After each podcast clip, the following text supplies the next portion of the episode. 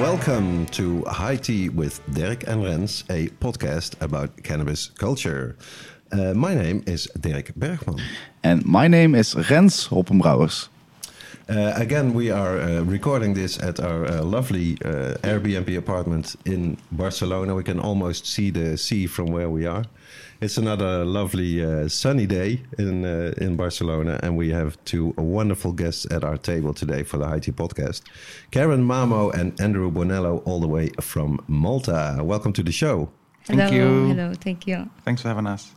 Yeah, I- think this is a fantastic opportunity for us to really uh, get into what's happening in Malta because uh, I, for one, didn't expect that Malta was going to be uh, the gold medal winner. Because anyway you look at it, and uh, for sure we'll get into it later, uh, you guys were the first in Europe to actually change the law and have at least uh, some form of legality for uh, cannabis.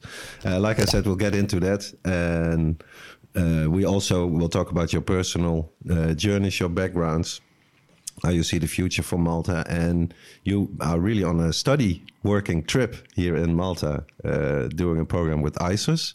Uh, going to cannabis clubs and also getting a lot of information from what I saw also on some uh, some tweets about uh, the program. So that'd be very interesting also to talk about. But uh, as usual, we will start with our first uh, segment of the show.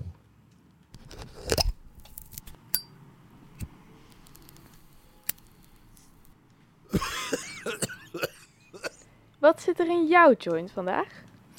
Yes, and um, as usual, we start with the guest. And uh, we like to know what you guys are smoking.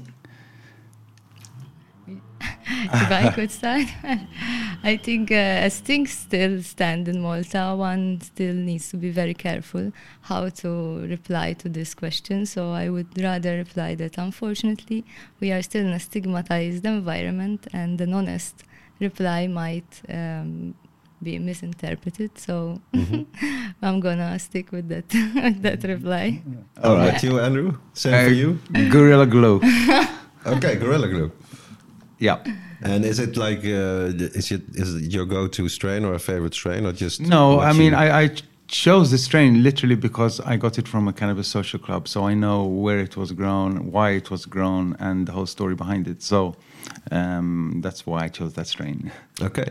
Perfect. Really nice. I also love the Gorilla Glue.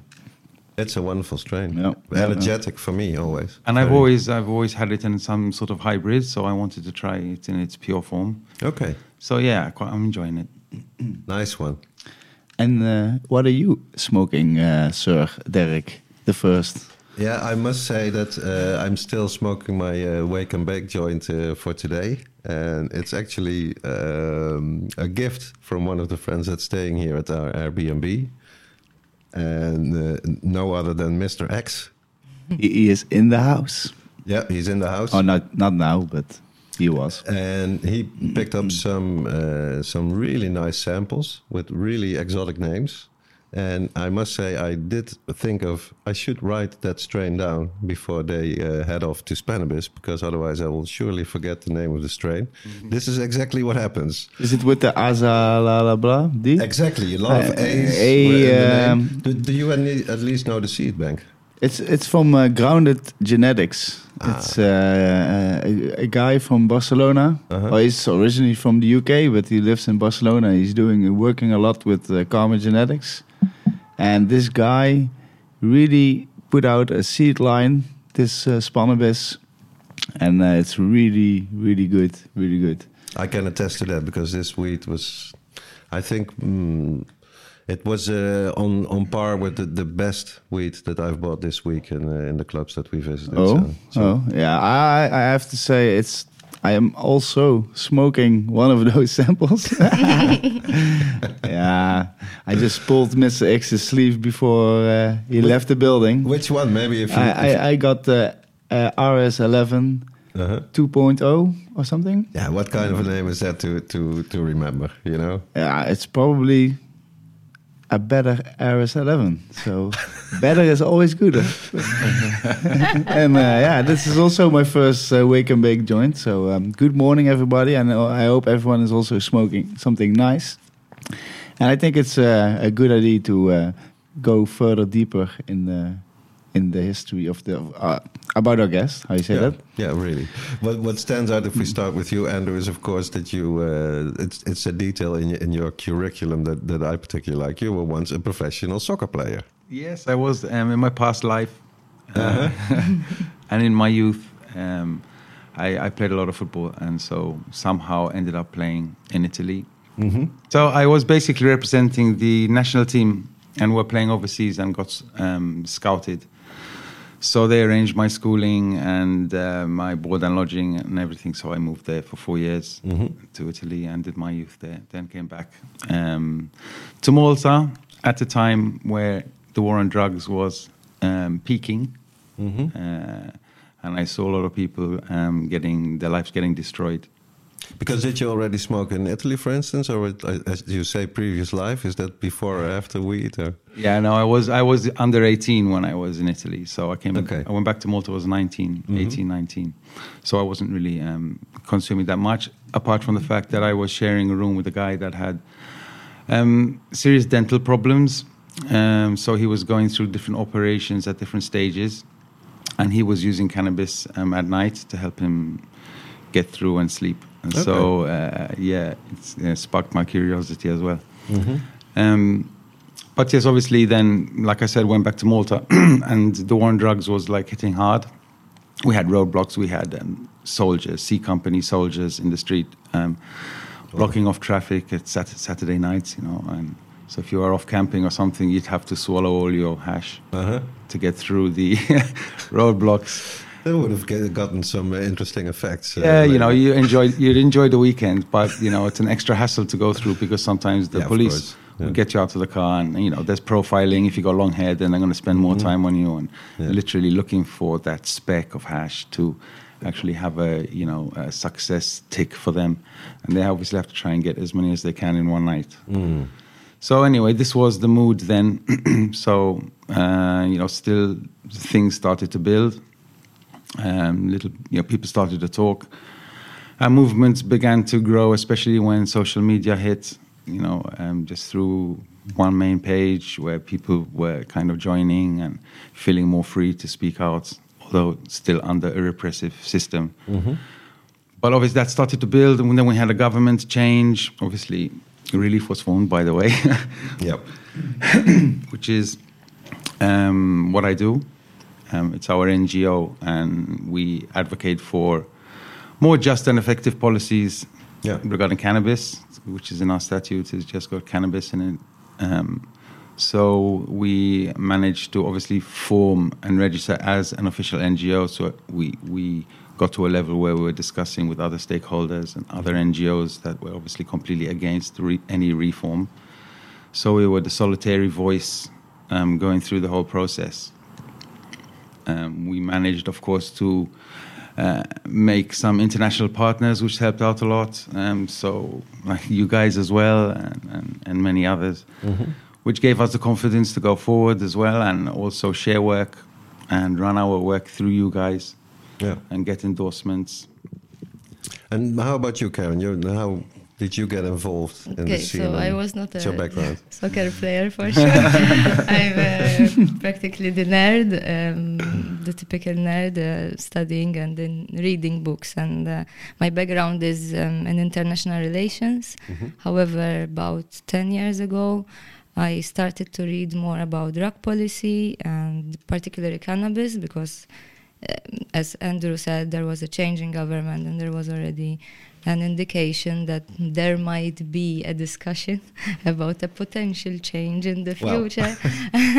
that was back in 2011 Okay. and um, so then uh, then I, I continued to do different types of um, unpublished works and, and um, research and helping ReLeaf to move more to a policy Mhm. approach, more so a more grounded approach, and providing um, an alternative to the current prohibitionist um, way. Because, as Andrew was saying, uh, having soldiers in the streets mm, picking up people was a common, a common Yeah, just imagine, reality Imagine that, yeah. um, and we have everyone knows someone who was practically harassed or strip searched or stopped at a party or at a, anywhere for not just cannabis but also other drugs and the way people were treated was um, inhumane and, and today continues to be unfortunately somewhat inhumane although a lot of eh, there was a lot of improvement Mhm. especially once the law was enacted um, we could see that there was already a change how law enforcement was reacting to the discovery of um, cannabis because Yeah. obviously if there's a law which criminalizes a particular substance then obviously the police or law enforcement have to follow that law so the change in the law was an initial good step to try and um, reduce risks related to being picked up by the police, Mhm. ending up in court, and having your life practically destroyed. Um, Yeah, because the, what I wonder about, um, of course, Malta is or, or was, uh, well, is, I would say, a very Catholic country. Uh, would you say that is the main reason behind how rep- repressive the system used to be, or is there an, another factor behind it? Well, um, if we had to look at a broader picture, it is only in the past 15 years that we're seeing certain li- civil liberties and rights being introduced. For example, divorce was introduced in 2011 or 12. Wow. and then gay rights, um, the, the right to get married, hmm introduced a few years later, which which wa- was also a surprise for a lot of Yeah. international partners that Malta uh, changed so much. So I think these changes um, are coming slowly, but yes, the the fact that we are a Catholic and a cons- relatively conservative country um, slows down certain certain changes. For example, even if one looks at the the law on cannabis, although it was grounded in human rights and harm reduction, there are still very much a lot of prohibitionist and criminalized traps hmm that In s- in the um, law still. in the law, and that that reflects the fear that was raised also by various NGOs, including church, schools, and church-led um, organizations that the decriminalization or any legal changes related to cannabis will open uh, Pandora's box hmm of drug-using youths, and um, Yeah. You know. They, they never seem to understand that uh, when it's forbidden, the youth also already use the drugs, you know? Yes, and there was maybe some some parts that were misinterpreting the law Mm. or the aim of of Mhm. decriminalizing the law because uh, people were speaking about the liberalization of cannabis when it, that's not the fact. It is merely trying to protect people from ending up in prison and um, reflecting also what is allowed at uh, by the UN drug control conventions. Mhm. Because although cannabis continues to be criminalized, the alternatives to incarceration, um, in reflection also to national laws, is permissible. Yeah. So these changes should be viewed within these this broader framework, not Mhm. just not just as a liberalization, which we are not in a liberalized, Mhm. far from it. Yeah, yeah, but words are always very important. this, exactly, this kind of thing. exactly. Uh, and what I think is also interesting, uh, it's happening in uh, in Germany as well. You're in for quite a while, advocacy, trying to explain it all over again. What is harm reduction? You know, people will use anyway. Better do it safe. Blah blah. And then there comes a moment from where you are only really just trying to explain and explain and explain. Whereas then the process get in, into okay, now you convince them. They, they sort of basically say, well, you're right about that, the harm reduction. Now we're going to make a law. Uh, How did that? Uh, how did you, do you think that you got to that point where, where there be active change, and how is it? How is it changed? Uh, and you can answer uh, afterwards the, the same question because I think it means a lot of change. But the two different roles that you're playing. Look, I think the biggest change was, and the biggest win, I could say, from you know civil society side, was the right to grow. Yeah. that was something we focused on, obviously, and uh, it wasn't an easy one. Mm-hmm. There was obviously a lot of opposition to that um, along the lines, even within governments. You know, there was when they were still toying with the idea, and we were presenting um, that. But yeah, we. I mean, I think we did a really good job, and we were very happy when that came through. Um, also, the expungement of criminal records was was very important. Um, that's something we had pushed for, so we welcomed that, obviously with open arms. Um, possession, we weren't too happy with because it was down very low at seven grams in public, Mm-hmm. and um, you know, it's it's it's, very small. It, it just gives, um, it just removes that extra protection from for a consumer. Basically, we're going to see someone with ten grams or something. You know, they're going to have to pay fines and get questioned, and so um, that that's very low there. And obviously, then we have the formation of what we had proposed to be cannabis social clubs Mm-hmm. Which turned out sort of they took the idea and welcomed it, like you said, but the way they are going to implement it is not something along the lines of a social club at all. So um, when we see the fact that there's going to be no on-site consumption, That that was one thing that I was really surprised and disappointed about. Very- That's the whole idea of, of very di- very disappointing. So Yeah. it, it took the social out of Yeah. social club, and it also removed the club because there's not really going to be a club. It's an association where you become a member, but you just go and obviously pick up and take Mm. home. Um, so that's where we continue to keep sort of trying to be at the table when they move forward because I think they need the input from civil society, especially the smaller players, the community run um, associations, is what they want to call them, where um, we think that's the most important part of it all. Yeah. You know, keeping it communal within the community. Mm-hmm. What, what, how do you uh, think I think even if we can maybe reflect a bit on this past week and what we have seen here in Barcelona, the the community aspect is very important, and this has also come out from research being conducted by researchers here.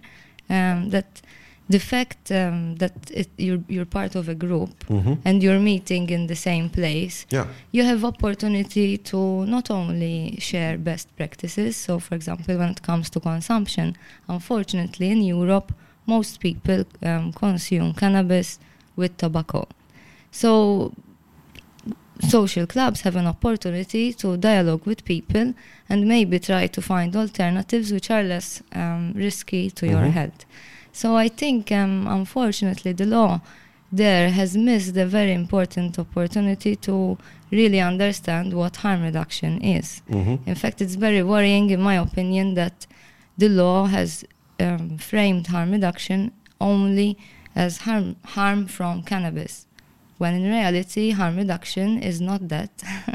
it is in part, yes, that, Mhm. because when you get cannabis which is tested, and the opportunity to speak about different methods of consumption, yes, you are preventing potential harm from cannabis, but harm reduction is, and harm and risk reduction, as even it's more used here, um, has broader considerations, especially when one thinks about that the biggest harm was coming from the law and risks associated um, Absolutely. with being picked up. And as Andrew was saying, the seven grams, although was a good start, still continues to put people at risk because if they're going, for example, for a week uh, in our sister island, Gozo, and uh, they want to carry with them 15 grams, they risk being picked up by the police and getting a fine and, and all that. Um, unfortunately, the 50 grams at home is also very ridiculous because um, if a person can grow up to four plants, why then you are just allowing 50 grams at home? And, and this is really a, a problem for all countries, I'd say, in Europe that are going down this road, including Germany, but the Netherlands as well. And then that maybe comes from certain stakeholders which continue to um, kind of overshadow the, the need to move to a human rights framework because by increasing that, that's it that there was this perception in Malta that by allowing seven grams the government is saying that you need to consume seven grams Okay. but that is not the case Every because- day. exactly Yes, they were So- talking about the amount of joints you can make out of seven grams and how dangerous it is. and and and again this is this comes from the perception that you're liberalizing. Mm-hmm. No you are just trying to protect the person from being harassed by the law which in reality you have no courage to remove directly from to, to scrap and start mm-hmm. from new. Because the problem comes from the fact that we don't have a cannabis act. We have a number of amendments in the previous law, which dates back to 1937. Mhm. And, uh, and then we have a law establishing the authority for the responsible use of cannabis, who will be establishing these not for profit cannabis associations, which eh, they should be cannabis social clubs. But as Andrew was saying, once they took out the consumption on site, the social was completely eliminated. So the, these things, I think, together show that there's there's a, a lot that needs to be improved to really say that we are moving to a human rights and people-centered drug policy approach in Malta.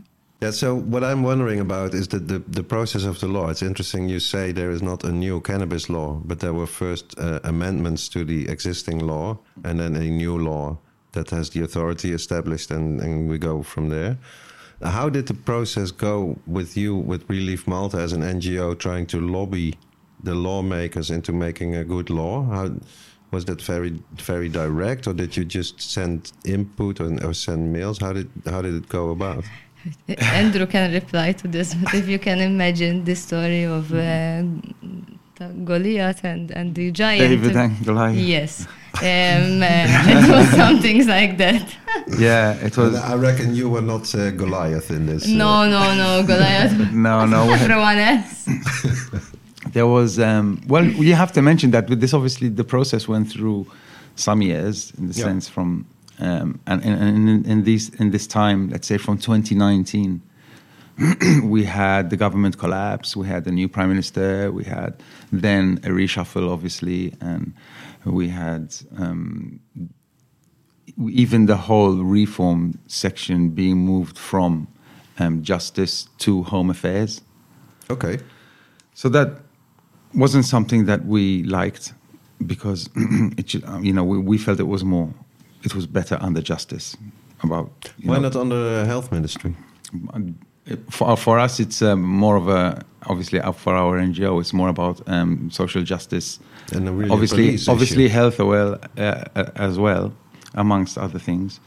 Um, but yes, it ended up under the Home Affairs, so uh, we had to start dealing with them was different because Yeah. they also represent the police.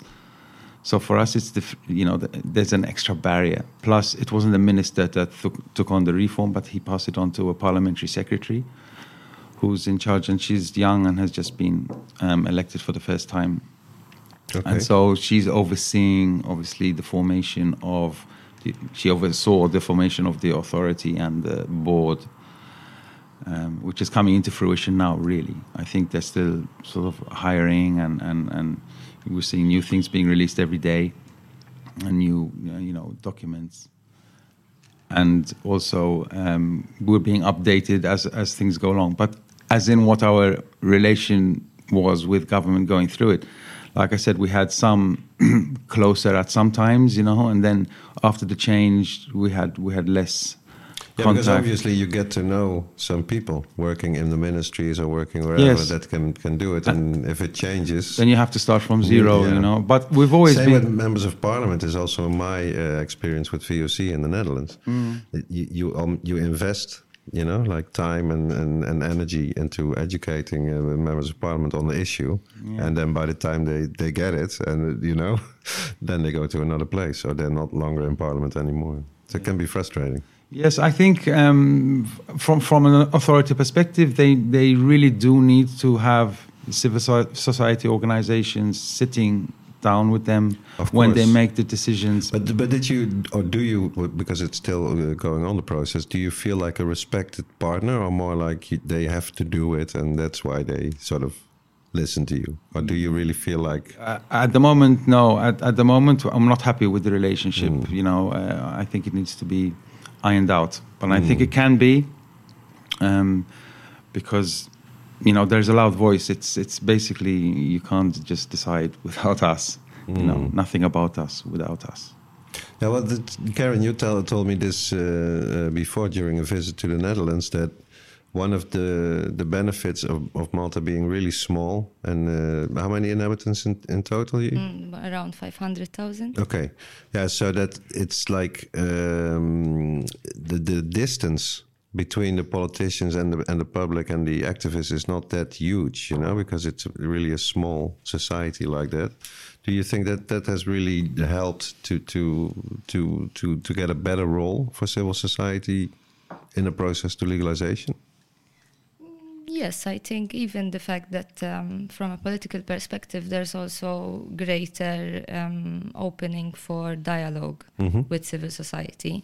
So, especially on thorny issues such as drug use and, Yeah. and cannabis. So, I think yes, although, uh, as Andrew was saying, um, having a seat at the table and being there throughout the decision making process is very important and has also been recognized by various institutions Okay. um, such as the UN and the EU that um, having people who use drugs, in this case cannabis, consulted throughout, even after implementation, um, continues to enrich the process and ensures that no one is left behind. Yeah, And um, however, as you're saying, being small has its advantages and disadvantages. So, as, a, as an advantage, yes, maybe some people are more reachable, especially certain um, departments, and it's easy maybe to, to get to get through. But um, unfortunately, being small has also its negative effects. Um, as I said in my introduction, stigma and discrimination continue to be pretty much um, present, especially now if- as, as we see how the licensing process um, to, to form an association has been released. For example, the fact that um, people with previous convictions on drugs and there has been will, will be automatically disqualified Yeah. and there has been no distinction between convictions of violent and non-violent cases so you know really ref- reflecting why the law uh, has been enacted and for who these cannabis associations should be established i Mhm. think that continues to pretty much shout in our faces that um, we don't want you you. continue to be a stigmatized Yeah. group, especially now, um, since there's going to be obviously like any other company being established checks on money laundering Mhm. and, and all that. So if a person was convicted of small scale trafficking, automatically all his um, dealings are considered as money laundering. Wow. So technically, these persons will be automatically shut out. And um, one other issue is, uh, which I foresee, and which um, experts like Tom Decorte speak about, Mhm. is the fact that um, if you don't I'll ring the bell for uh, Tom Decorte for the listeners that don't know him. He's a very interesting criminologist from, from Belgium, active on Twitter and has done research into cannabis a social lot, a lot of Yeah. research, and um, and then and, then- and I was saying, so these places need to be. Um, uh, oh, I, I lost my. Oh, sorry thing. about it. because I started to think about Tom Decorte. We're talking, we're talking about previous sales of, of tobacco. Yeah, yeah. If you're convicted of any crime, that you're excluded from. yes yes and, and and yes so i was gonna say that um, he speaks about the importance to make then exclusions for certain players for example people with um, already with a business in the pharmaceutical industry Mm-hmm. in the tobacco industry in the in the gaming industry exclude these they sh- guys. exactly these should be excluded Yeah. because they they will most probably definitely Yeah. not Wow. adhere to a not-for-profit approach because they already have commercial interests in in other well-established commodities and i believe these things could have ironed out the the process more and and ensured that listen we are truly trying to restore and and be in a way as as a as a restorative justice tool. Uh, the law not just you know we enacted the law and now it's gonna be business as normal. We're just gonna set up a new not for profit semi something new and we're gonna just use the same tools as we used before Yeah. that that's that's problematic excluding the like the legacy growers, the people that have been doing it for years. That I think that's uh, Exactly, and, that in any um, country will, will will come to the to the fore. Same in the Netherlands with the wheat experiment as well. We have pretty much one uh, of the growers that you could say is like a real legacy grower. And then interestingly, the other people might be the suits kind of business mm. people that get the license, but they at least employ legacy growers to get a good project and to get these people aboard in that respect. But and then th- th- it still has to do a lot with the the, the regulations because you can make it that tight that not even can you work for a licensed producer if you ever had a conviction for cannabis, for instance. This is super important. and this is To me, otherwise, you are really uh, saying, ah, the black market, we exclude the black market as it is. It's so much smarter to try to include these growers that have the experience and say, okay, now we value what you do because now we are in a different situation. If I may Hmm. ring the bell and correct you, please. Okay. Not to say black market, but to say right. illicit or unregulated market, because um, unfortunately we continue to link certain colors with certain. Point taken. Hilary Black also said it on the show, and she's right. But I'm sorry to, Yeah, to have the unregulated grower. exactly and and, Yeah. and Illicit, something yeah. which we did not also do the in, in malta is the fact that we did not distinguish between small scale trafficking and you know people involved in criminal really hard stuff Mm-hmm. so everyone caught with more than what is prescribed by the law and convicted as a trafficker is technically the same as if, for example, you're caught with 10 kilos. But, but how can uh, you have that and at the same time have expungement of criminal records Because the, for cannabis? the expungement is only until 28 grams Okay. and up to four plants. So, for example, if we could take the case of It's Daniel- really legalization light in a way. And Not, no Not if we, if at we all. could take the case of Daniel Holmes, who unfortunately was sentenced to 10 years in prison for 10, 10 plants. How much was it? Yeah, he had. He it was basically a, a home grow. Yeah. So with some light. So, but you know that was interpreted as um, having a industrial Yeah, a sort of professional- a setup, you know, professional- he was ready to be the sort of big dealer of, Uh-huh. of Gozo or Sister Island. And they made, they, you know, they really threw the book at the poor guy. You know, they really got him. For, uh, you know, the fact that he must have got the seeds from somewhere. So we don't have seeds in Malta. So he's brought them in illegally. So they put that on him as well. And then he got nine years and served He five. got I 10 think. and a half years and a 23,000 euro fine. Uh, of, but w- you have to remember that it took him seven years from when he was busted to actually start his sentence. Because, and he couldn't leave the island, so he was going to Wow. co- court. Every, Because he was a British citizen, eh? he was Welsh, yeah. Yeah, okay. And um, yeah, so that also was a big spark in the movement. You know, a lot of more people came together, and you know, the media were covering it, and everyone was, you know, no one was really in favor of that sentence Mm-hmm. at all. So it made them look pretty ridiculous. As in, But he still had to do his time, Yeah. and uh, he was then forgotten in the sense that until journal- a journalist then started to follow his story, uh, he had to live through that horrible time. Absolutely. and yeah. now, unfortunately, we see that people like him will not have her, their um, Records their expunged. records expunged. Mm-hmm. Um, and it's a it's a pity because we, we are in a way recognizing that that was a tragedy, a Yeah. human tragedy, because we separated a man from his young children and family. But still, we, we missed the opportunity to make, uh, for example, all non-violent convictions related to cannabis should be expunged, irrespective nice and of simple. Yeah. irrespective of amounts. Um, um, because even if you look into cases, some cases are really um, like really heartbreaking. Even if you look for other cases, not just on cannabis, for really small amounts, then people are um, end up in prison or with lengthy court cases. And and uh, with just this year, um, the National Report on Drugs uh, stated that in 2021 there were around 200 court arraignments for possession, Wow. majority being cannabis.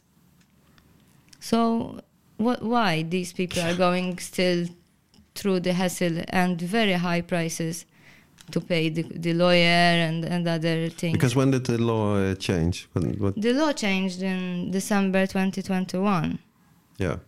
But we still had a previous law from 2015 which Mhm. stated that, that uh, 3.5 grams were depenalized. So people were being fined for up to 3.5 grams. But anything above that was still a criminal offense. And now we have a mix of depenalization, decriminalization, and criminalization. To make it very easy. and uh, it's, it's And almost starting to sound Dutch. Huh? Yeah, yeah. it's it's it's that's why it's complicated because there's no cannabis act Yeah. it continued to be amended within the Existing law. existing laws So, do, how do you do you think that they will be smart enough to uh, recognize that what they really need is a comprehensive cannabis law that has all this stuff in it, or will they just go down this to stay within the UN? i think Treaties yeah maybe, i yeah? mean i mean it's still unclear how the certain un countries will react to to malta's decision and um, i think that was a very cautious cautious approach how to to deal with the situation because it was a very political um, uh, tourney also situation because you had practically this never happened before you had all ngos from all walks of life from insurance companies to educators to social workers to anyone you could think of again having a position against cannabis even the chamber of commerce Eh, so even people who never even thought about cannabis or people Uh-huh. ending in prison But they were still against they it. had a, they didn't want any changes they were Uh-huh. happy with the 3.5 grams so that was a, a huge congratulations on that Mhm. part for, for the government to push through Hmm. so then you have to be also considerate that um, to just enact a full cannabis act would have been much more difficult to go through through parliament. Okay, yeah. However, unfortunately, we see, for example, the issue with CBD. Maybe Andrew can can speak a, a bit more about this. That people continue to be arrested for flowers, not, And, yeah. not oil. and and importing just CBD flowers. hmm You know, they're getting busted and have to go to court. And we had the case of a doctor that was prescribing or was giving CBD to his patients because the actual medical cannabis that we have is quite high THC and always one percent CBD. So I mean, it's it's just a natural thing for a doctor, especially who specializes in cannabis, to give CBD to his Yeah, yeah, patients because but he that- can, yeah. but that was seen as selling cannabis. So he was raided in his house and in his clinic, and he was taken to the lockup for 48 hours together with his two front desk uh, workers. searched. Yeah, they were strip searched, hum- it's humiliated. His his accounts um, have all been frozen because you know it's money laundering. They see it as money laundering. That kicks in. Uh, So prohibition uh, st- certainly is not dead. no, yet. it's it's it's Yes, it's and- going and, uh, strong. and it's it's very unfortunate to see these things because at the end of the day society is benefiting nothing from Mm. from all this Mm. and um, especially the people going through the trauma the workers and ended up being strip searched yeah. um, and clo- and locked up like like um, dangerous criminals That's terrible. and um, that's that comes from maybe misinterpretation of the law. Um, unfortunately, no one taking the lead to say no, this is not like this, and every every very nice lawyers continue to interpret. In my opinion, the law is clear because the law, for the first time, established that cannabis under 0.2 percent of THC is no longer part of the narcotics List, whatever yeah. law. So the thing is that uh, there was the word products, and products created some confusion because a flower might not be a product. Mhm. Um, again, the overarching objectives of the law to move to a human rights perspective in this case were completely forgotten because um, yes you can be very pragmatic that the law states flowers so any type of flowers is is prohibited but if you look at it from a scientific perspective what is prohibited at international level is something which might cause um, dependence or Mhm. is, is a mind altering substance. So- Which CBD weed is not. exactly, obviously. Yeah. since since the law established that um, some countries have higher percentages Mhm. than 0.2, but our law decided that it was 0.2, following the recommendations, I think, of the World Health Organization. Yeah. So I think these things should be should be addressed um, Mhm. and cleared for the benefit of everyone, because to have people arrested on their place of work. I think there was there was some confusion. Now there is confusion going on uh, because we've also had been contacted by stores that were raided. Um, one store was raided, um, and and then they put everything back on the shelves. Like half an hour later, when another policeman turned up to tell them that it was only CBD, Okay. but that was flour. And then in the meantime, you have other people in court Mhm. appearing for the same thing. So it's, it's very confusing at the moment. Uh, But CBD in Europe, it, it's totally confusing uh, in every country, I would say. I, I just written an article for High Life about how uh, France is getting better and Italy is getting worse. And then France changed almost the minute that the magazine was out. And even in the Netherlands too, there's really confusion about who can sell CBD flowers. You don't, I don't see them like in Belgium and in Germany uh, in a tobacco shop, for instance and coffee shops they some do have some CBD weed, but others uh, have it not on the menu. So it's totally confusing. It's interesting that here most most social clubs have a section with CBD. yeah, with Yeah, CBD do. flowers or oils, and, and that's interesting because from a harm and risk reduction perspective, um, it shows that there's a, a demand for for these products too.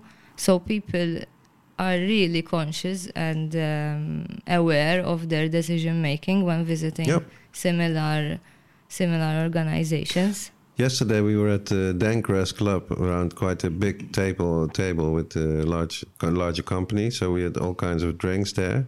And as you know, I think all the, the clubs here they also serve alcohol if you want it.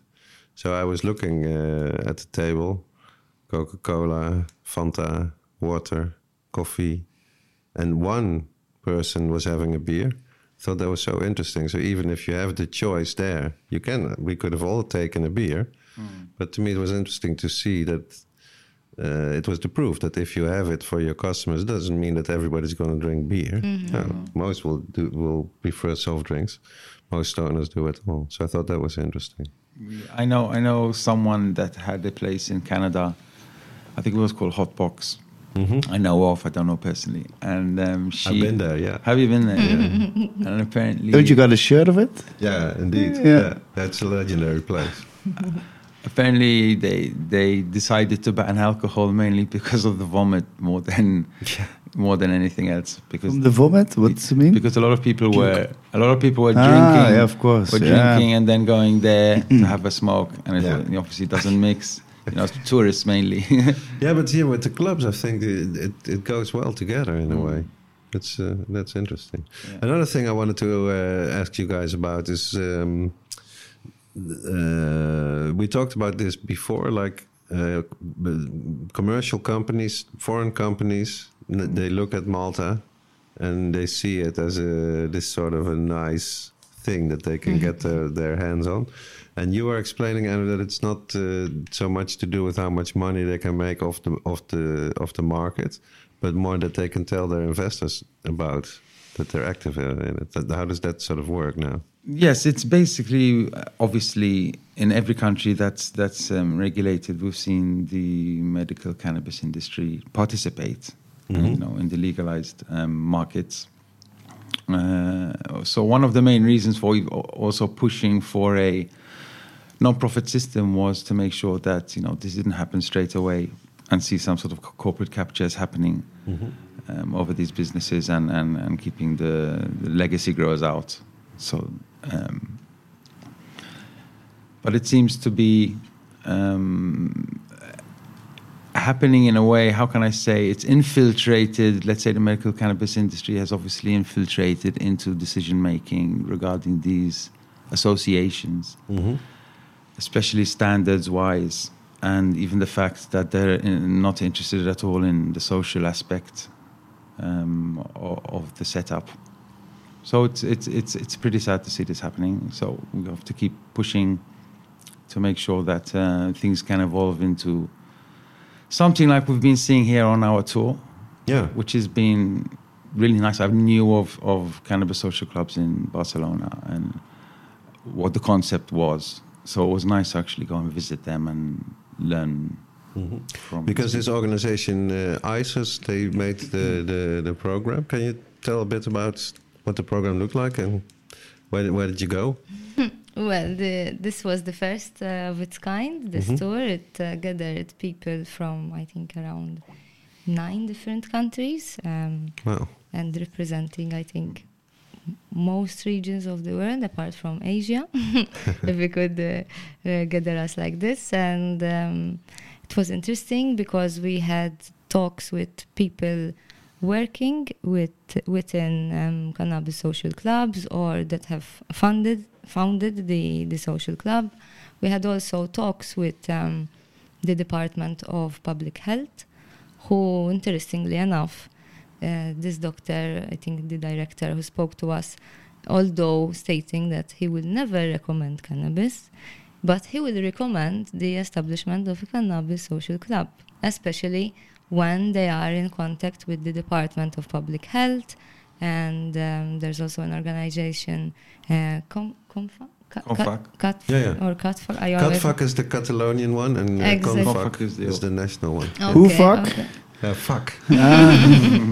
and Sorry. they they develop um, together with RDR um, very interesting approaches to harm reduction. Um, so these these um, dialogues were very interesting to learn how these people are making something working without the law.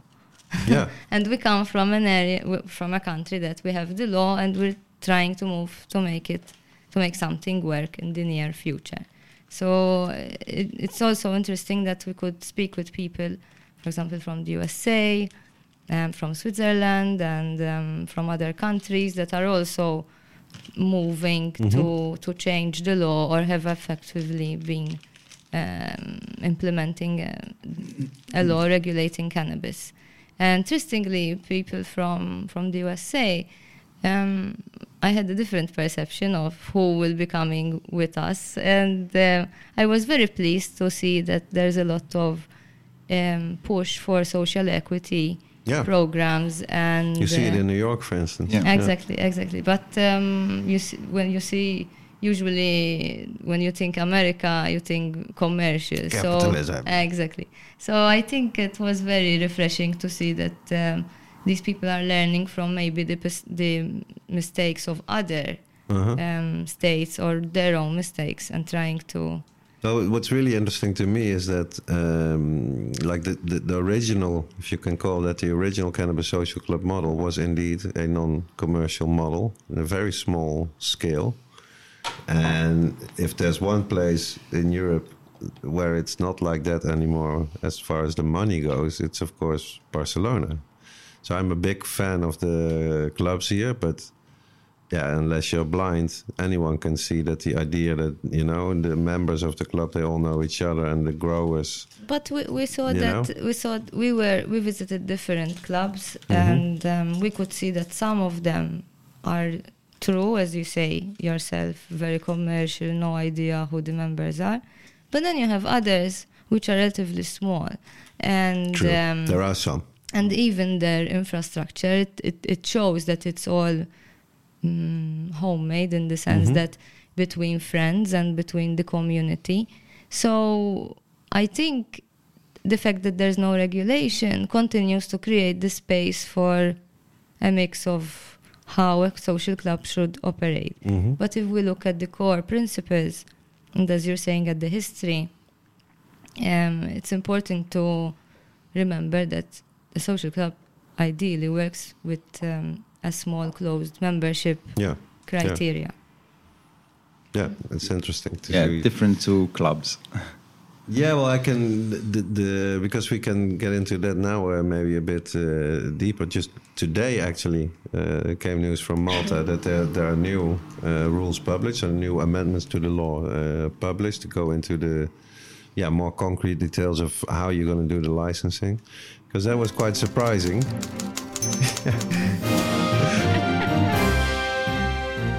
we do have some breaking Yes, news. yes.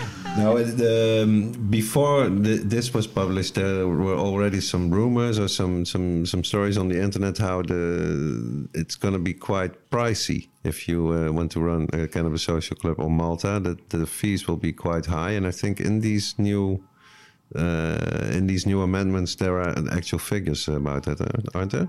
Yes, um, we, we're seeing some uh, legislation that was just released, I think today or yesterday. It's kind of fresh. And if you scroll down to the the section where your license fees are, you'll get a nice surprise, which is something make, that makes you feel that the government are looking to make money or try and control with caps of money, Uh-huh. which is um, you know not not a nice thing to. And then it depends on the number of members that you have. Yeah, so ba- eh? basically, what you have to, if you want to apply for an application, you have to put down 1,000 euros. Um, we don't know if you get that back if you if you're Yeah. denied, probably not. Uh, but if you want to have a, it's sort of, it splits. So if you want to have a club up to 50 members, the license is, is 1,000 euros. From 51 to 100 members is 5,000 euros. 101 to 250 members is 13,000 euros. Wow, Cats- every year. Yeah. Um, Yes, yes, Yes. annual. It's annual. And then you have from 251 to 350 members, 18,000. And if you want to go the largest you can go, which is 500 members, it's 26,000 euros a year. Wow.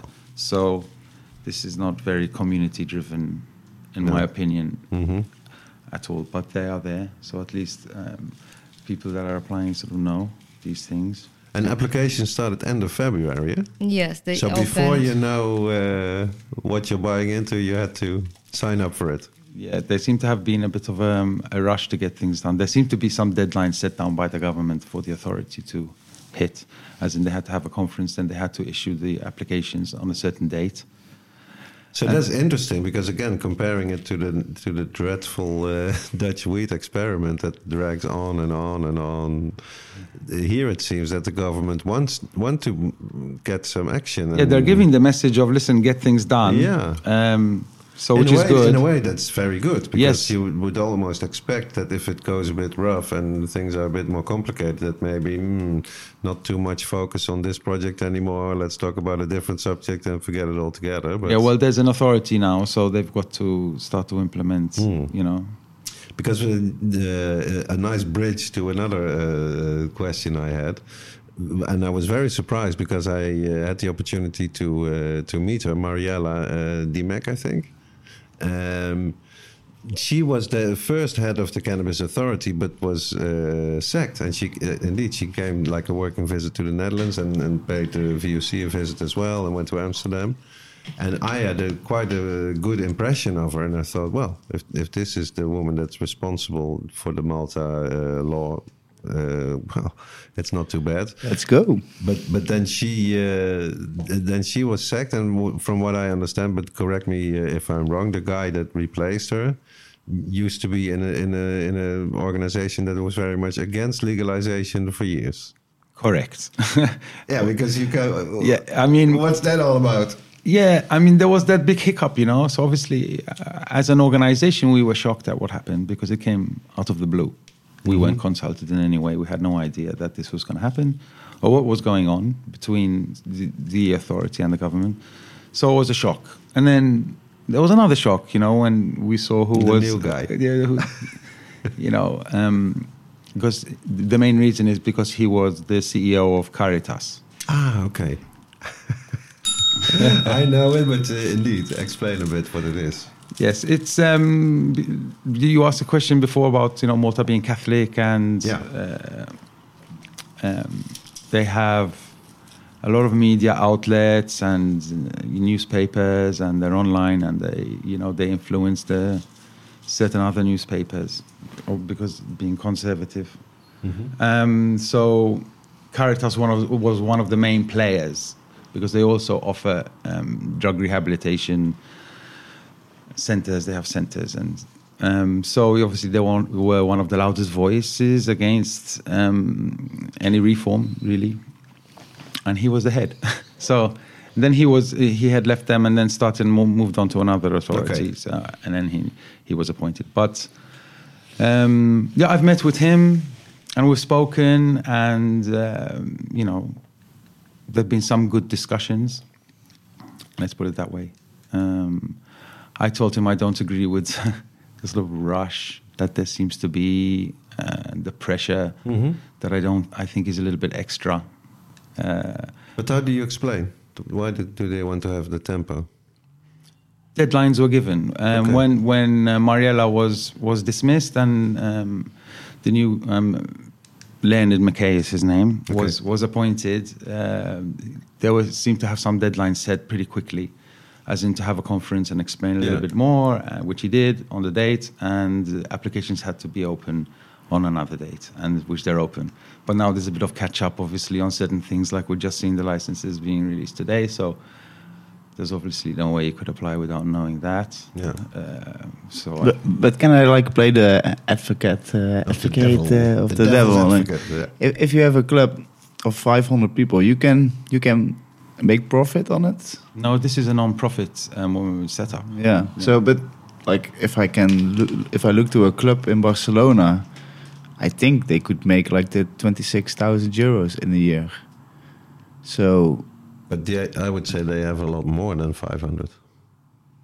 Especially if you count all the people that become a member during And Spannabis then, Week. and then you have to consider that the 26,000 only covered the licensing fee. Then you have Not to your other- you have to do the testing, you have to do the packaging, you have to rent the building. rent the building, pay pay other stuff. You have to get a transport license. So even if you look, for example, at the way the growing uh, um, requirements have been established, there were no distinguish d- distinction between small grows and larger grows. Obviously, for a 500 membership um, club, you need much more plans than a group of people of 50 people, for example, setting up their own small club. Because it's some something which I which we did not mention is that gifting cannabis or sharing continues to be a crime.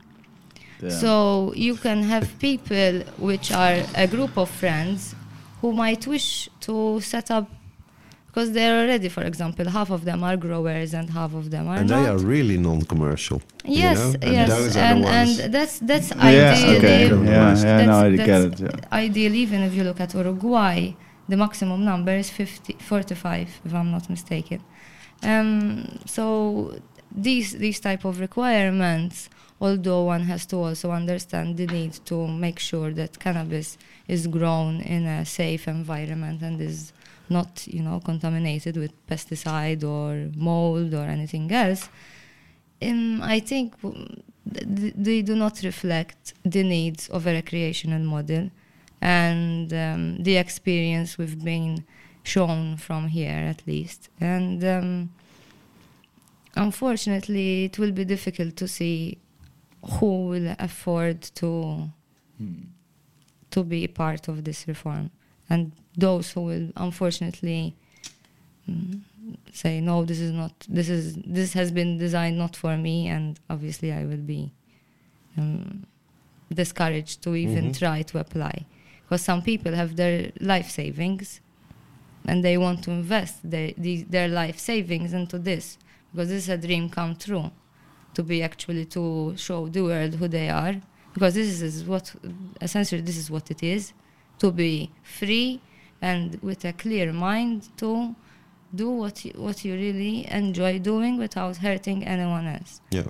but um, to have these people risk all their life savings um, in this new experiment, because it's still an experiment, these di- these people don't know if um, the members will continue to do, visit their club. They might visit at first, and then maybe the Mhm. illicit market uh, does something new, or maybe they can grow at home and they don't go anymore.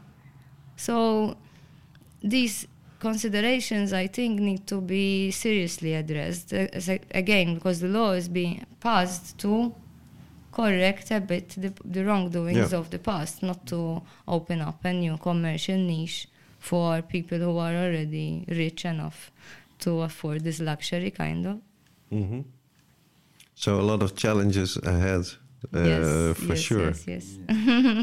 What what keeps you going in that respect? Because, uh, like you said, there are so much uh, potholes in the road to to real legalization.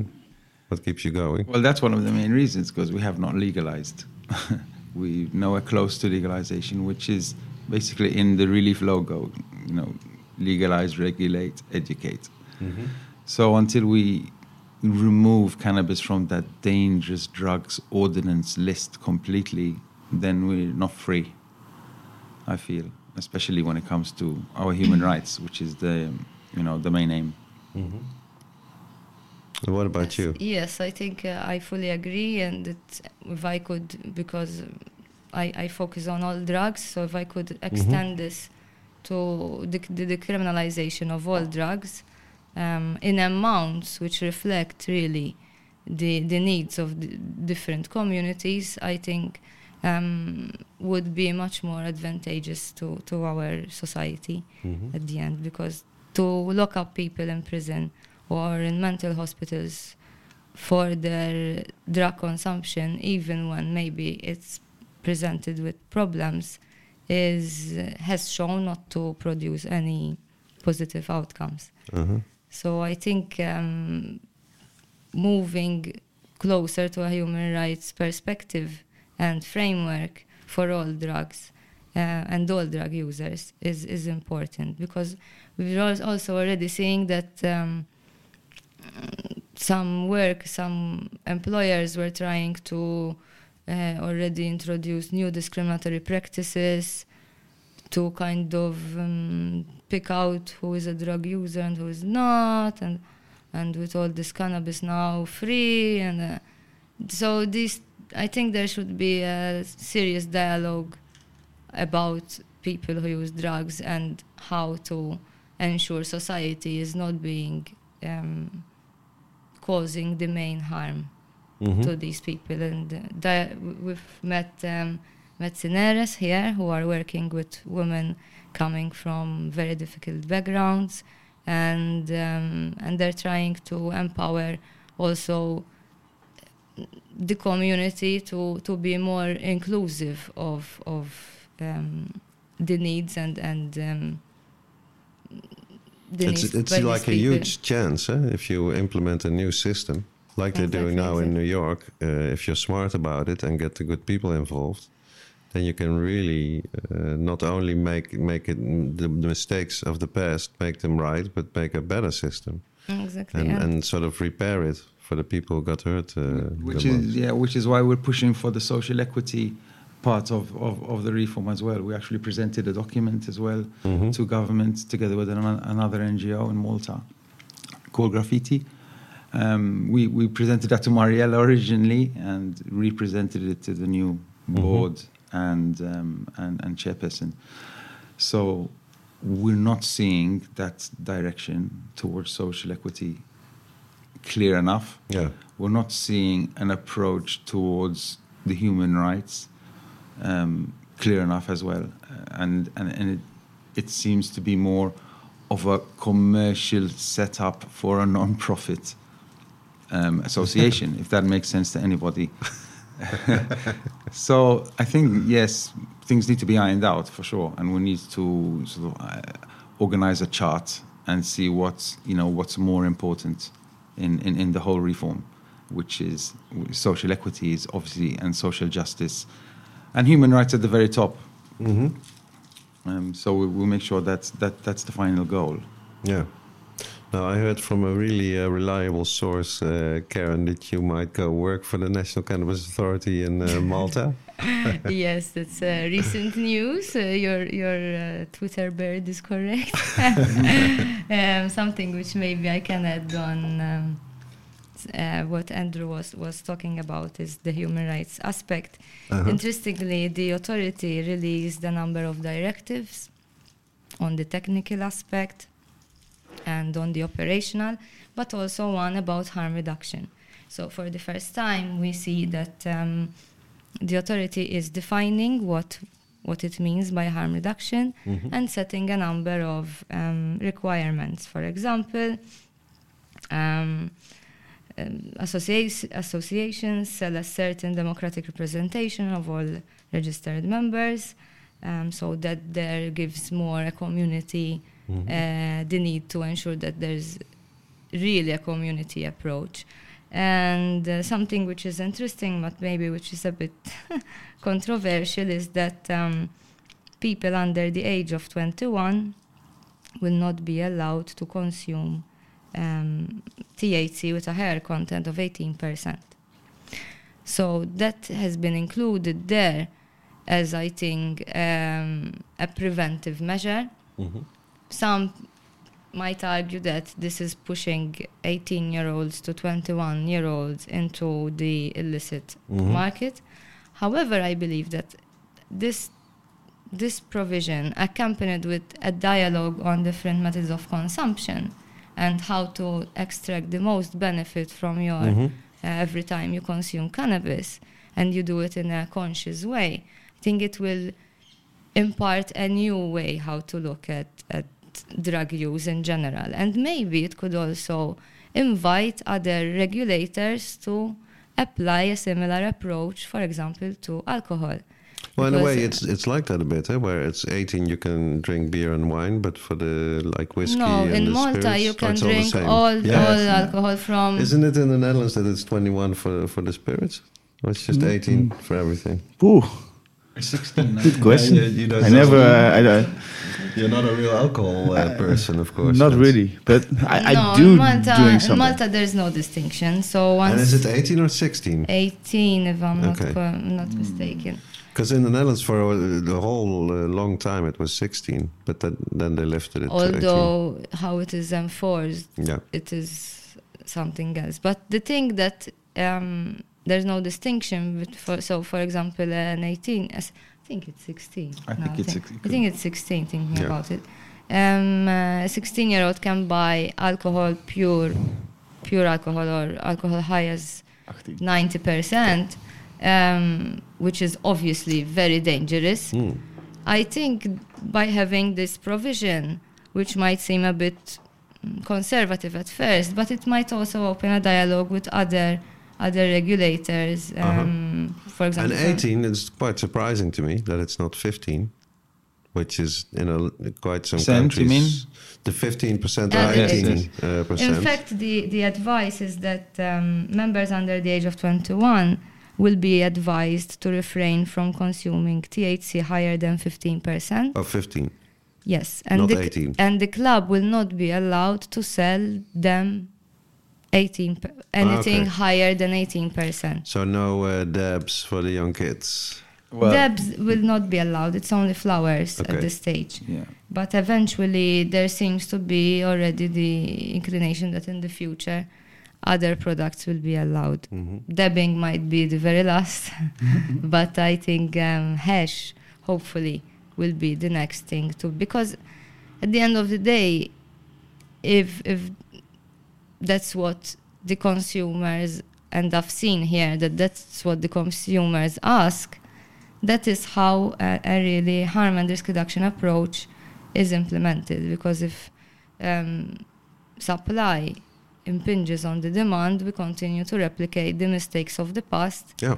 and uh, so just jumping from the illicit to the illicit market.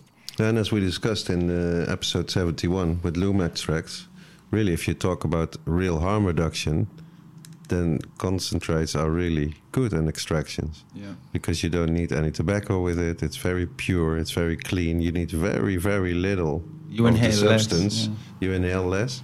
You vape it, you don't burn it. So if you would take uh, the health aspect real serious, you would actually stimulate people using dabs or using concentrates. Instead of mixing tobacco, yes. Absolutely, and uh, but I've that everywhere that that point is taken out. But that that's interesting also maybe that uh, the European way of using cannabis is still a lot uh, mixing it with tobacco. Is it the same in Malta or? Yes. Although I'm seeing now people using vapes Mm-hmm. and um, trying to switch. But I think there needs to be a stronger educational approach because now there's the risk also that when you look at statistics, we've seen that tobacco consumption has been going down Mm-hmm. along the years. But now if we include the amount of tobacco being consumed with cannabis, there might be a change in the way. Yeah.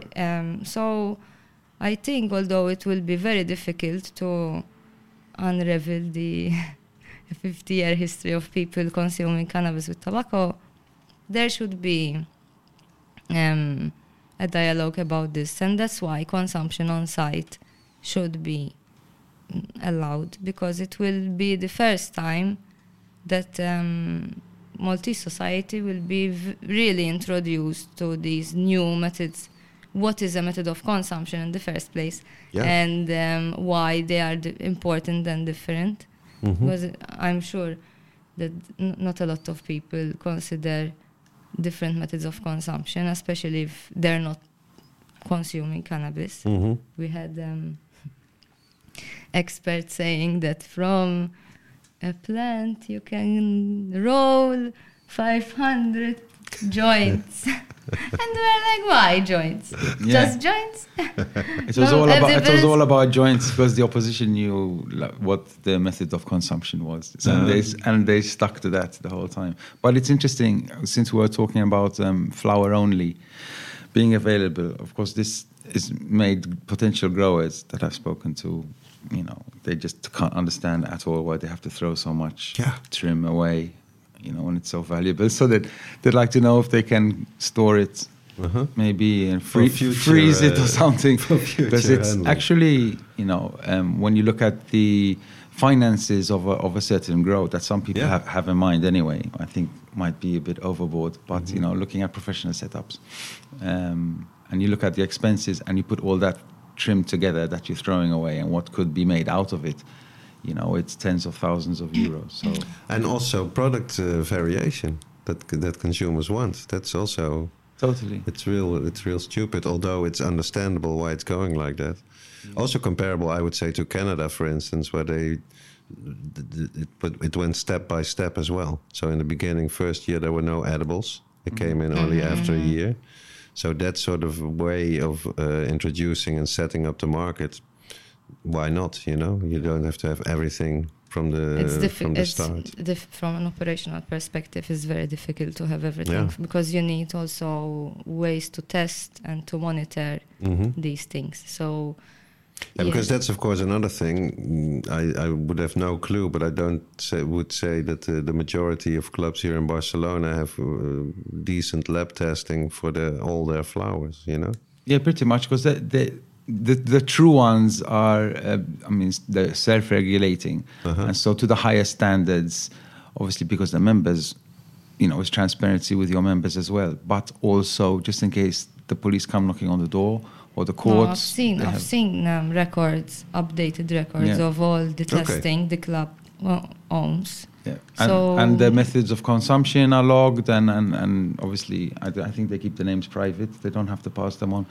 But they have everything Mm-hmm. logged in such a way that they've self regulated in such a way Yeah. that they, they've gone you know, above of probably what should even be required. And, and now researchers are reaching out to these clubs to better understand Yeah, that's a fantastic cannabis process, really. yeah. trends because that's they can be honest and they have full access to and to they really can cannabis they can users. also offer a, a broader variety, of course, than the coffee shops in the Netherlands because of all the regulations we have uh, back home, Mm. like concentrates, modern ones. No way that you can sell them, even if, if you do have the coffee shop license.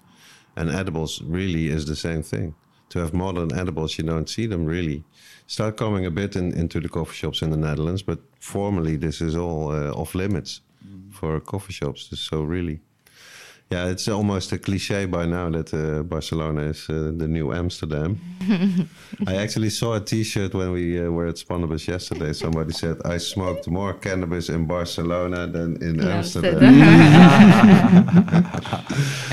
but yeah, if you look at that, it has a lot to do with the politicians and the regulations getting ever stricter instead of you know really uh, welcoming this, yes, this new it- I think industry, it's new trying methods. trying to use trying to fit on clothes which are too tight now. So Yeah. trying to fit cannabis or whatever is being done within something which was already there instead of creating something new. So, for example, when it comes to Malta, there's going to be different permits related to building permits and all that. So, again, the community aspect of maybe having this system virtual. Maybe they are f- 10 friends cultivating at home between they're going to share everything between themselves so they don't really need um, inspections and Mhm. and labeling and th- they can still do the testing Yeah. and and they should be encouraged and uh, maybe um, helped to do the testing but they're gonna do it for them their own selves they're not Mhm. gonna get any profit from it so i think these things which have not been considered uh, unfortunately miss the opportunity to really create uh, sa- small sm- s- safe spaces um, or social clubs Yeah. So I would say that you you two are certainly the most informed people in Malta if you want to know what what it's all about and what the future is going to be. Well, more So- or less more or less So how do you see the chances of the leg- legislation getting actually better? Like for instance, that that they would change and say, okay, we listen to your arguments. We will have on-site consumption in the clubs. We will have the fees a bit lower. Is it now that it's that it's public, like it's public that it's in the law now? Will it never change, or will it take years to change it, or will it be flexible enough to adjust it to be a more like a better system? Well, I mean, the the more things that get released, the more things you know they've, they've put it down on paper, so it gets a little bit more serious. So, um, but I still think there is room um, for things to be changed because I don't see um, licenses being given out um, this year, to be honest. Um, so there is time to actually get things better. I, I think and I believe that consumption on site will be um, moved, as in they will make it available from the beginning, because the arguments are too strong, and you cannot be focusing and saying that you're moving in a harm reduction um, direction when you're not allowing on-site consumption. Yeah. It's just it, it's counterproductive, and I think they've understood this. So, and it's being taken into consideration. How about you, Karen? Do you think it's Well, flexible enough? I think if, even if you look at how other countries are moving along, drug policy is not f- set in stone and it's something transitional. So I think um, the fact that from 2015 in 2021 we, we had amendments is very encouraging, but in a way a bit troubling too because it took quite a long time. And there was also changes in government and um, so uh, and the and obviously drug policy is not a commitment taken for the long term. So um, there might be a change in government and and laws get changed and repealed. So the more flimsy they are the less uh, certain uh, safe the people can can feel so I think in the coming months and, and hopefully not years, some issues which are already being um, flagged should be urgently discussed. For example, the the issue of gifting cannabis, which would real, in reality defeat the, the illicit market, because right now anyone who gifts or exchanges cannabis is considered as an illicit trafficker, but that's not who the law is really trying to to reach. Mm-hmm. And other issues uh, related to the amounts of grams Yeah. uh, kept in associations is 500 grams Mhm. only. So that will create obviously some problems, but these are small things which I am sure um, will be small things. If, when I hear 500 grams, I immediately think, of course, that it's like the curse of the Dutch coffee shops. They can only have 500 grams, no matter if they're right in the center of Amsterdam and have three. Uh, I think you know, that three will stories. that they can may also have 500 only. Maybe that will will in, in time reflect the amount of members so if you Yeah. have 500 members you That cannot have so 500 much grams uh, sense. because it's it's if they all happen to come all in, on the same day hmm um, and not finding cannabis research has shown that people go back to the illicit market Yeah, of course. and um, If it's not there, you've lost the opportunity to Yeah. to bring a positive behavioral change. So Yeah. One hopes that um, there will be there will continue to be dialogue with civil society, uh, especially of people who consume cannabis, not only with people who are in the rehabilitation services, and and changes will be introduced hmm mm, accordingly.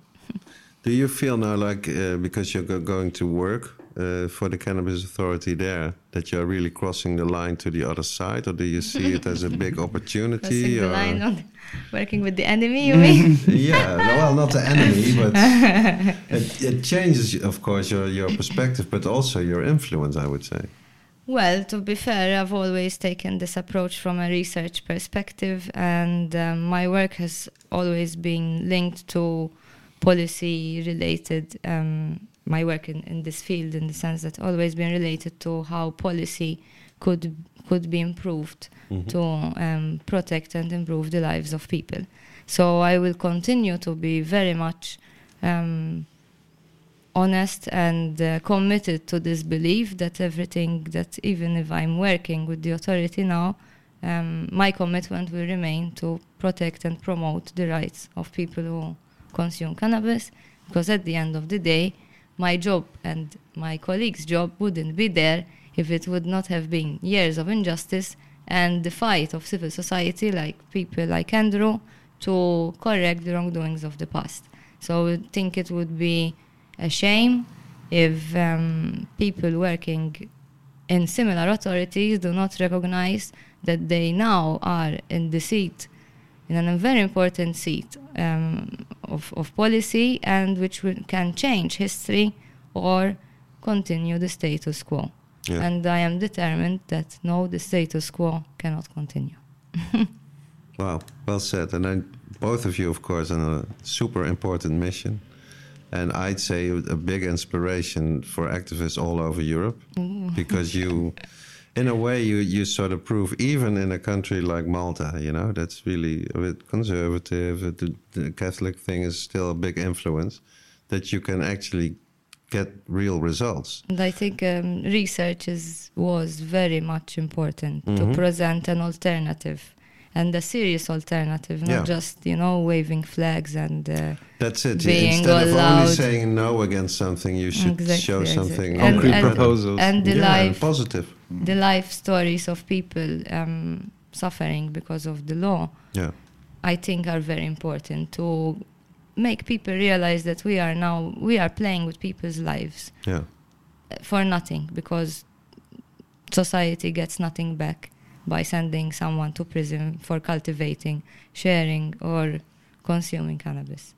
yeah. So I'm, Okay. I'm, I'm honored to hear that we are an inspiration for others. Um, as Andrew mentioned before, dialogue with foreign partners, even from my side as a researcher, was very, very important. Um, I'm a member of ENCOD. I'm a member of the Correlation European Harm Reduction Network. Um, I've, always, I've, I've also um, dialogued with other researchers, um, for example, M- Mafalda Pardal and uh, Mhm. Constanza from ICEERS and Oscar. These have been very much inspirational for me, and uh, especially their work and writings. So I hope that in the the future, other countries, maybe small countries, find um, inspiration in, in these And people's courage. works, and yes, in our yeah. determination to push forward. My last uh, question uh, to you guys, and then we're going to wrap this one up. It's been super interesting uh, to hear it all. Uh, yeah, what's going on and what you expect. Um, for people who want to get into activism or want to at least be more active trying to change the, the cannabis laws in their country, what would be your main advice for them? You can start, Andrew, maybe? I think trying to open dialogue is always um, one of the main, the main probably barriers that might be more difficult in other countries. Uh, open opening dialogue with um, officials, with members of parliament, um, making sure you meet as many stakeholders as possible, even with the opposition, which you're going to meet anyway in debates, um, you know, around radio shows or TV shows. Um, keep the dialogue going always, and, and oh, hopefully you, you get a bite from someone in government that is going to realize that this is actually a positive move, and and makes a lot of sense. So when the work is presented, especially so um, well researched, um, especially uh, which is designed for your own country as well, which is important Specific. specific. So I mean, there's a lot. And there's a lot to learn from you know online what other countries are doing and what um, other some some great um, NGOs like like ICEERS and Transnational Institute and and, and Transform and uh, many others that we've been in touch with are doing amazing work. It's all there. You can read up. You can you know put everything together and design it into your own from your own local perspective and um, present it to the most important players and, and keep pushing. And and then you know eventually you know things start to start to happen. It took time for us as well. We're happy to have gotten where, where we are but obviously like i said we, we feel there's a lot more work to be done. So it's it, it, you have to be in it for the long haul. It's, it's certainly not an easy uh, job or ambition. Karen, what would be your advice? My advice would be, I think, as a nerd, to to get into the research. Because if you there's a lot of information out there. Unfortunately, discussions in Malta usually were always framed within a biological, medicalized approach. So when you mention cannabis, it was immediately gateway theory, schizophrenia, Yeah. and our youths at the sidewalk. and that's what gets gets people emotional. And- and- and children. Yeah. yeah. That's what- and think that's- of the children? Exactly, and that's that's what gets people emotional, but not really dialogue, speaking about the issue. Uh-huh. So to research and and look at policy, what other countries are doing, to reach out to these organizations, as Andrew was saying, which are, I think, um, a treasure in, in their own in their own field because they are very forthcoming. They have published beautiful reports and, and guidelines and um, and I think that's something important he also mentioned to tailor made for the needs of the community or society or country you are you are advocating for because obviously the situation in Germany is not the situation in Malta and is not the situation in Spain Yeah. and this is linked to the history, to the law, to the economics, to the culture, to everything. So what would work in Switzerland might not work here, and vice versa. So I think um, um, having a look, a broader look, and and making sure that um, people who are activists are also researchers or have a strong research um, team with them, maybe ideally, and also a legal, um, a legal, Mhm. a legal person helping them, um, would strengthen their their approach Yeah. and hopefully get to results. Okay, we'll put the uh, the organization's website in the show notes to this uh, episode. Thank you again very much. It was a pleasure and an honor to have you uh, on the High Tea podcast today. Thank you. Thank you, guys. Thank you, Dirk, for this great interview. Thank you for being the master technician today, uh, Rens, Always on your side. and getting out of bed uh, right at the, the, the, the when, correct uh, when time. are we visiting the Netherlands? Uh, well, you can come over uh, every time. Olé. Every time you We're on our way. Always welcome. Yes. Thank you. Thank you. Enjoy, enjoy this uh, beautiful sunny day. Enjoy And, uh, Barcelona. Thank you. And to all Will do. listeners, thanks for listening and see you next time. Hou